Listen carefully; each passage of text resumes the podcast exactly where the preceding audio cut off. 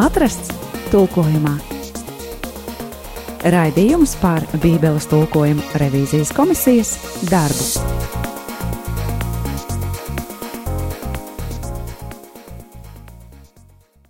Sveiks, dārgais radījuma arī Latvijas klausītāji! Ar tevi kopā raidījums atrasts tulkojumā šajā lieldienu laikā. Kā ierasts mēs viens otru sveicinām, Kristus ir augšām cēlēs, patiesi augšām cēlēs. Šajā mirklī ar tevi kopā studijā esmu es Judīta Ozoliņa un priecājos pie sevis studijā sveikt Bībeles tulkojuma revīzijas komisijas pārstāvju. Pie manis šeit četri kungi ievērojot pareizos attālumus, ievērojot distanci un uh, rokām dezinficētām. Šeit visi sēž uh, rātni un tīri.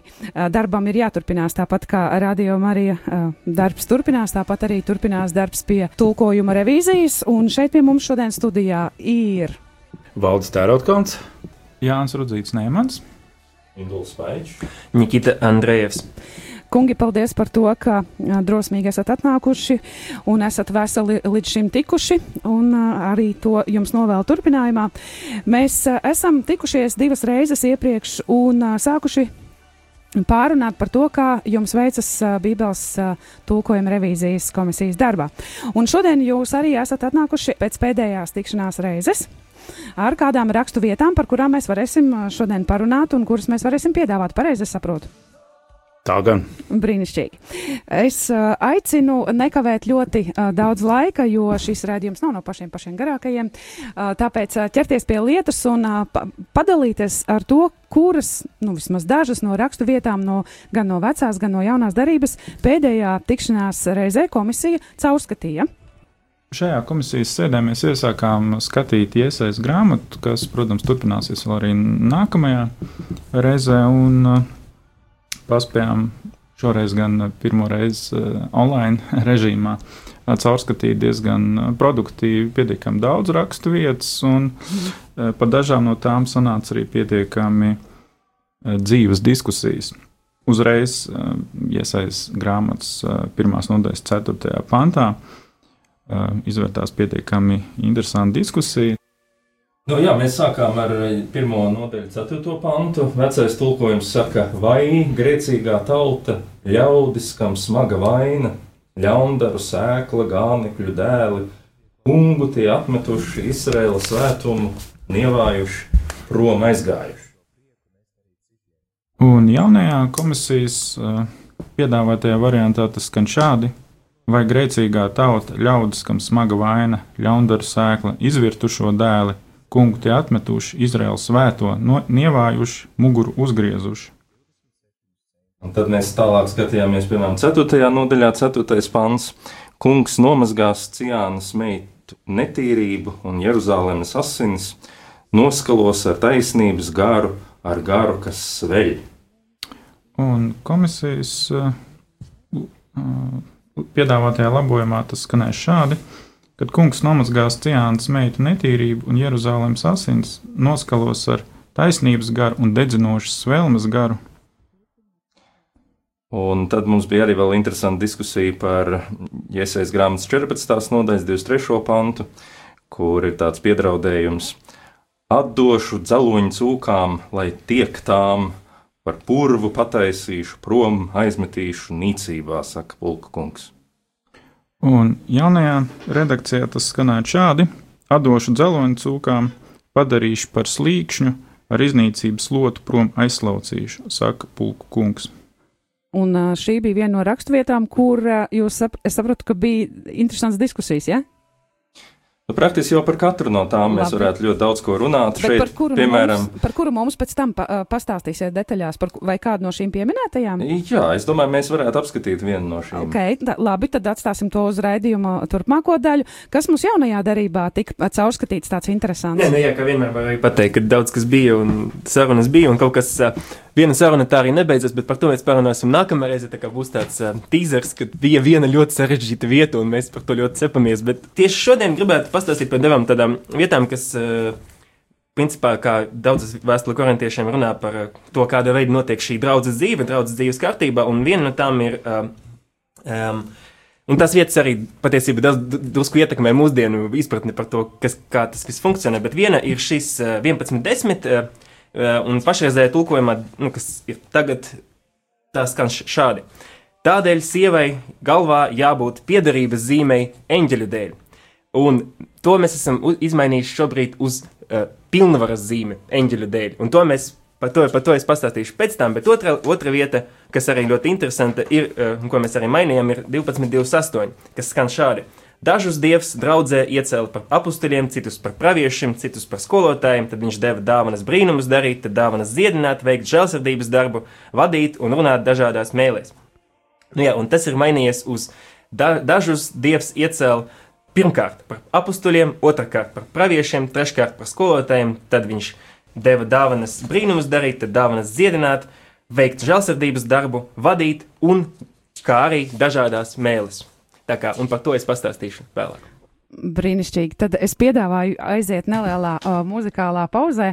Šobrīd uh, tādā uh, tezē pauzē. Vai bija vēl kāda raksturvieta, par ko jūs gribējāt man padalīt? O, labi, paldies. Uh, šobrīd dziedāsim līdz uh, tezē skaņām un atgriezīsimies atpakaļ. Un jau uh, par detalizētāk par kādu no raksturvietām dzirdēsim, kā tad revizijas komisijā ir gājis.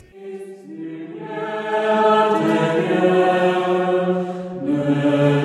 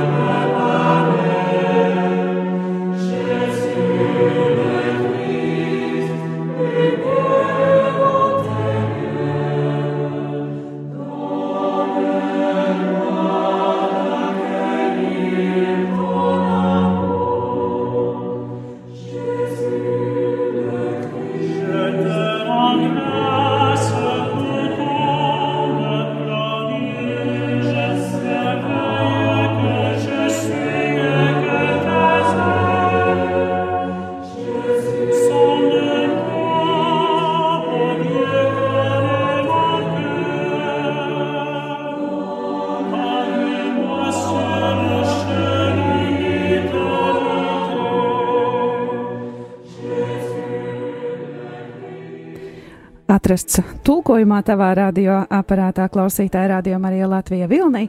Šajā lieldienu laikā šeit esam pulcējušies, lai paraudzītos, kā rīta darbs, tātad Bībeles latviešu tulkojuma revīzijas komisijai, un pirms dziesmas mēs paspējām uh, paraudzīties dažās rakstu vietās, iemest aci, ko komisija caurskatīja pēdējā tikšanās reizē, taču komisija ir gatava uh, padalīties detaļās ar kādām interesantām rakstu vietām, kur tad bija visplašākās diskusijas, un droši vien, ka sāksim ar vecodarību, kungi, ja neiebilstat. Jā, parasti ļoti interesanti ir sagatavojot šos priekšlikumus sēdē, to aptuveni nojaut, eh, ko, kas varētu izraisīt visvairāk diskusijas, taču uh, dzīvē tas tomēr notiek savādāk, un man par lielu pārsteigumu. Uh, visgarākās diskusijas izvērtās tieši pie iesaistas grāmatas 4. nodaļas 4. pāntu par garu, kas sveļ. Um, Kā tad viņš bija tajā vecajā uh, redakcijā? Un, un tā arī viņš ir garš, kas sveļ, un uh, ieteikums, starp citu, nāca no mm, uh, katoļu priestera, kurš atzina, ka klausītājiem un lasītājiem īsti nav nojaušams, uh, kas ar to ir domāts, un prasīja kaut kādu uh, skaidrāku formulējumu. Un tad arī klātienes diskusijām tika piedāvāti dažādi varianti, svelmējoši, dedzinoši, svelmains.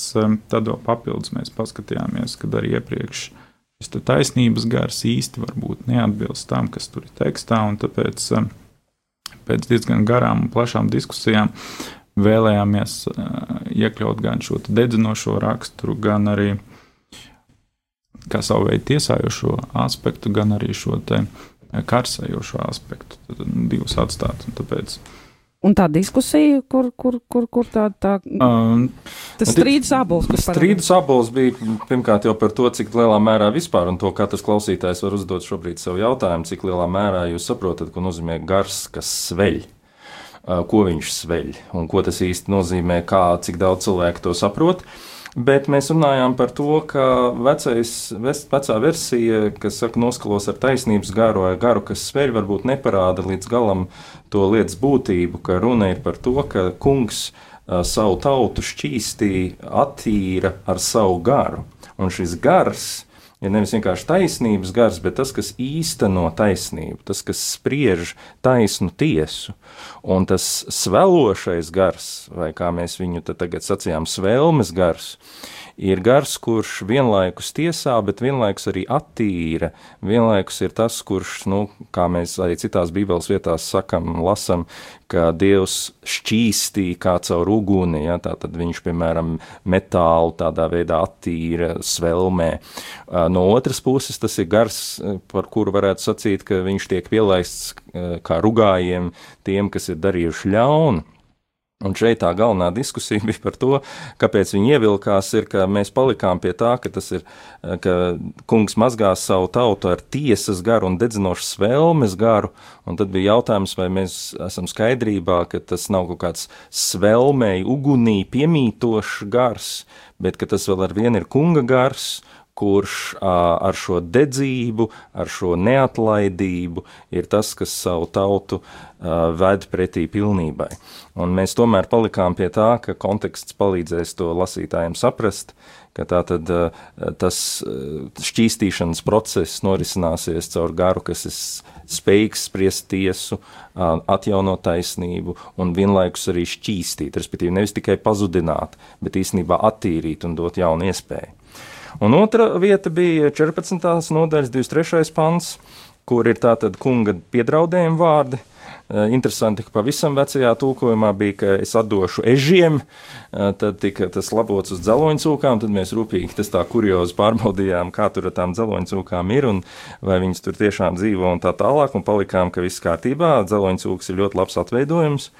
Un purvs tika pārveidots par slīkšņu, tieši tāpēc, ka latviešiem vārds purvs asociējas ar kaut ko mazliet citu, bet šeit iet runa par izpostītām vietām un tādām vietām, kur var aiziet bojā, kur var noslīgt, kur var pazust. Un tas ir tas, ko kungs piedraud šīm lielajiem civilizācijas centriem, kā atkāpjoties no viņa. Tā, tas rezultāts ir tāds, ka viņi paliek par laupījumu, tātad lauka dzīvniekiem, šiem te, šīm te dzeloņu cūkām, un, un tur ir slīkšņi, kur, kur, kur faktiski viss ir gājis bojā. Bet nu, tas tā kuriozi, vai ne, par to, ka tiešām vienā brīdī normāli visi komisijas locekļi metās pārbaudīt dzeloņu cūku, teiksim, Klā, klātesamību. Jā, tieši tā dzīvošanas areāli, bet viņi tiešām daudzās vietās pasaulē dzīvo. Bet, jā, piedodiet. Man liekas, viena interesanta lieta arī Jā. par to, par to dzeloņu cūku. Uh, Kad, um, tas ir vēl viens tas, tas, tas gadījums, kur jau kopš uh, Glīka Bībeles tulkojuma, pirmā Bībeles tulkojuma laikiem, kur, kur geogrāfija un arī dzīvnieku un augu nosaukumu viņi ir uh, piesaistījuši Bībeles tulkotāju uzmanību un, un, un vispār ir palīdzējuši arī valodniekiem domāt par to, jā, bet, bet uh, kā tad uh, nosaukt šīs, uh, šīs radības vai šos augus un, un kur tie konkrēti dzīvo. Un, un bieži vien, protams, ir, ir grūti var, varbūt to vienmēr līdz galam saprast un zināt, bet man liekas, jebkurš tāds uh, sens tulkojums, viņš, viņš palīdz palīdz no jauna atkal domāt par šīm geogrāfijas un arī augu un dzīvnieku. Bet tas jautājumiem. senais tulkojums, kurš palīdz, jūs domājat, tas, nu, tie pirmie latviešu tulkojumi? Sākot no tiem, bet tāpat arī mūsdienās no jauna mēs, mēs esam spiesti domāt, nu, kā tas īsti ir. Nu, protams, tas ir vai nav pareizi. Gliks lietoja, piemēram, vārdu pārdelis, vai ne? Un Jā. es gribētu zināt, cik daudz mūsdienu cilvēku izlasot vārdu pārdelis saprot, ka mēs mūsdienās sakam leopards. Uh, nu, mēs saprotam, ka tur ir kaut kāds sākotnējais mēģinājums atveidot latviešu valodā vārdu, kurš latviešiem nekad nav ticis lietots, jo tādu dzīvnieku Latvijas savulaik nekad nebija mm. redzējis. Ne? Tāda mēģinājuma ieviest kādus uh, vārdus, kur faktiski varat teikt neiedzīvojās arī? Nu, viena daļa iedzīvojās, mm, tas pats lauva tika veidots, vai ne, un tā tālāk, bet viena daļa, jā, nu, pārdevs īsti tādā veidā nav saglabājies. Vēl viens, starp citu, pāns, kas arī parādījās, ko mēs nenolasījām, bija 5.16, kur jaunajā tulkojumā parādījās tāds vārds svētosies, un arī lasītāji uh, jautāja, nu, kas tad ir par jaunu vārdu, un uh, komisijā tad mēs nolēmām nedaudz um, skaidrāk padarīt šo te tekstu par Dievu parādīšanos uh, kā svētam taisnumā. Un tad, tad no svētosies uz ko tad aizgāja, kā tad tur palika? Uh, Dievs svēts savā svētumā, svētas savā taisnumā. Jā. Bet tā ideja jau ir tajā, ka tulkotāji mēģina kādreiz it kā precīzi trāpīt, izveidojot šo jaunu vārdu, Un pēc tam cits lasa, un viņš saka, nu, tu varbūt pats saproti, ko tu tur esi ierakstījis. Jā. Mēs nē. Un tad mēs ejam apakaļ un mēģinam rediģēt tā, lai nu, arī cilvēks pirmoreiz lasot, varētu saprast to domu. Nu, tam noteikti ir diezgan liela nozīme, jo kā jau nu, ar katru lietu. Kādu reizi, nu, noteikti vismaz pirmo reizi cilvēks to dara, un ja viņam pilnīgi nav nekāda skaidrs, kas ir, kā jūs teicat, leopards, bet pārdevs. Jā, tad diezgan grūti saprast. Šobrīd īsā muzikālā pauzē, aleluja, priecājamies!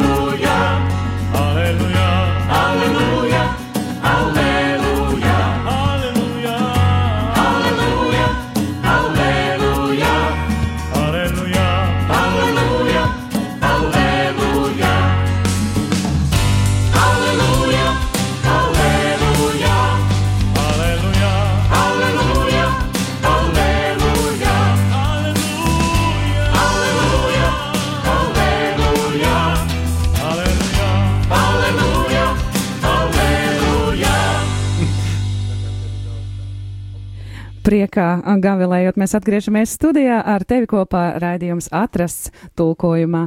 Šeit studijā pie mums četri kungi, kuri, um, ievērojot visu drošības noteikumus, parunā par to, kā sekmējas Bībeles latviešu tulkojuma revīzijas komisijas darbā. Un pirms dziesmas mēs uh, pat pataustījām, paklausījāmies, kas, eh, kas ir noticis pēdējā tikšanās reizē komisijai online. Eh, vecās derības sakarā, bet ar prieku es aicinu eh, jums padalīties, kā gāja jaunajai derībai.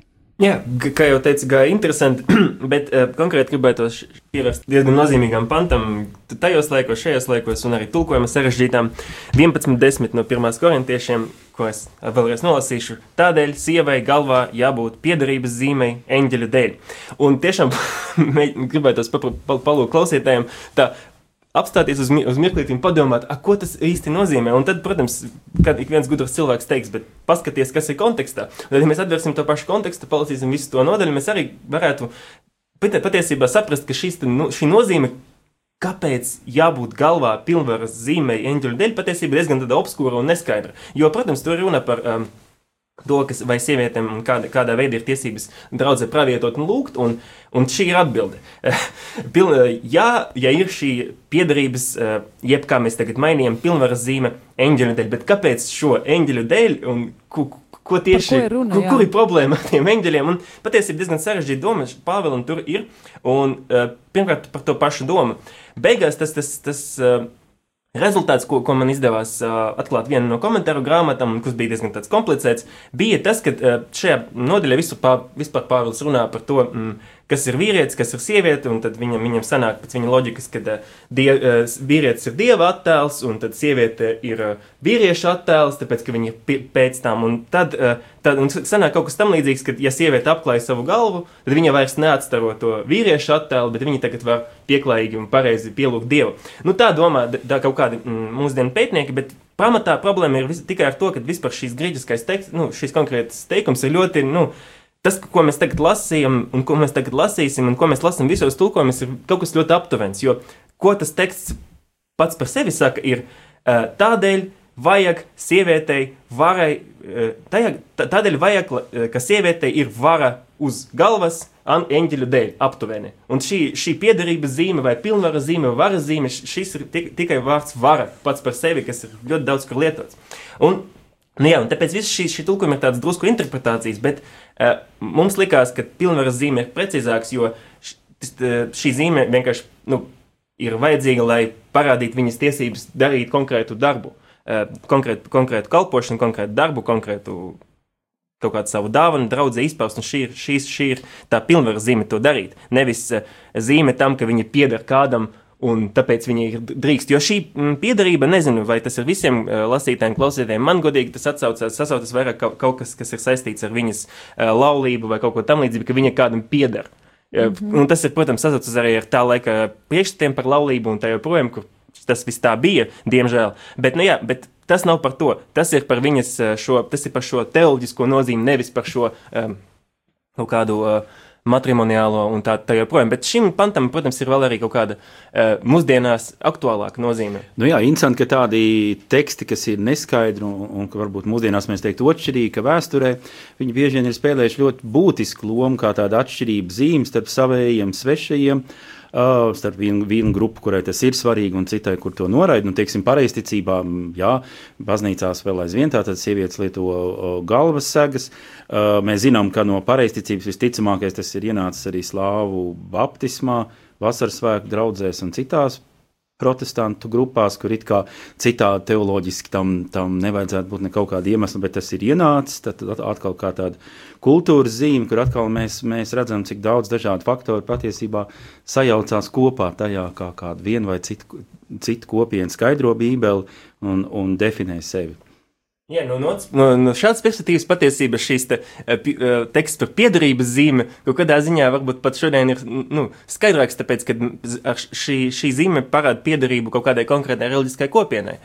Nu, teiksim, pareizticībai vai tam pašam krievu baptismam, par ko tu runā. Bet, Jā, jo es atceros arī, teiksim, 80. gadu beigās, pagājušā jau šobrīd gadsimtā vai 90. gadu sākumā, kad tikko parādījās harizmātiskā kustība un arī, arī starp um, krieviski runājošiem, tad tā bija kā tāda atšķirība zīme, kur tie, kur pieņēma harizmātisko kustību vasarasvēku draudzēs vai arī baptismā, uh, viņi, nu, vairāk sievietes nelietoja šīs galvas segas un tie, kur teica, mēs, mēs paliekam pie saknēm, tie turpināja lietot, un tā bija kā tāda ārēja atšķirība zīme. Uzreiz bija skaidrs, kas ir kas tieši tā.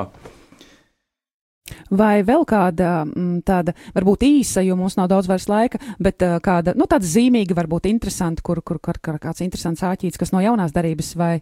Var piedāvāt, tas ir šodien, šoreiz tiešām tāda diezgan tāds - diezgan savs materiāls. Nu, jā? Kaut kādā ziņā, jā, bet, bet ir uh, bija šīs 10, 18, par ko mēs patiesībā kādu laiku runājam, lai kaut kā savā starpā saprast, saprast, kas tas ir. 10, 10, 18. Skatiet Izraēla tautu, vai tie, kas ēd upura gaļu, nav kopībā ar altāru. Un Sākotnējais piedāvājums bija mainīt šo Izraēlu tautu uz uh, miesīgo Izraēlu, tāpēc, ka uh, tas ir tekstā runāts tieši tādā veidā, nu, Izraels pēc miesas, eh, nu, lai mums nebūtu šis kaut kāds sajaukums starp Izraēlu tautu. Mm -hmm kaut kādā Jā. tādā mūsdienu izpratnē, un šo atkal tādu teoloģisku variantu.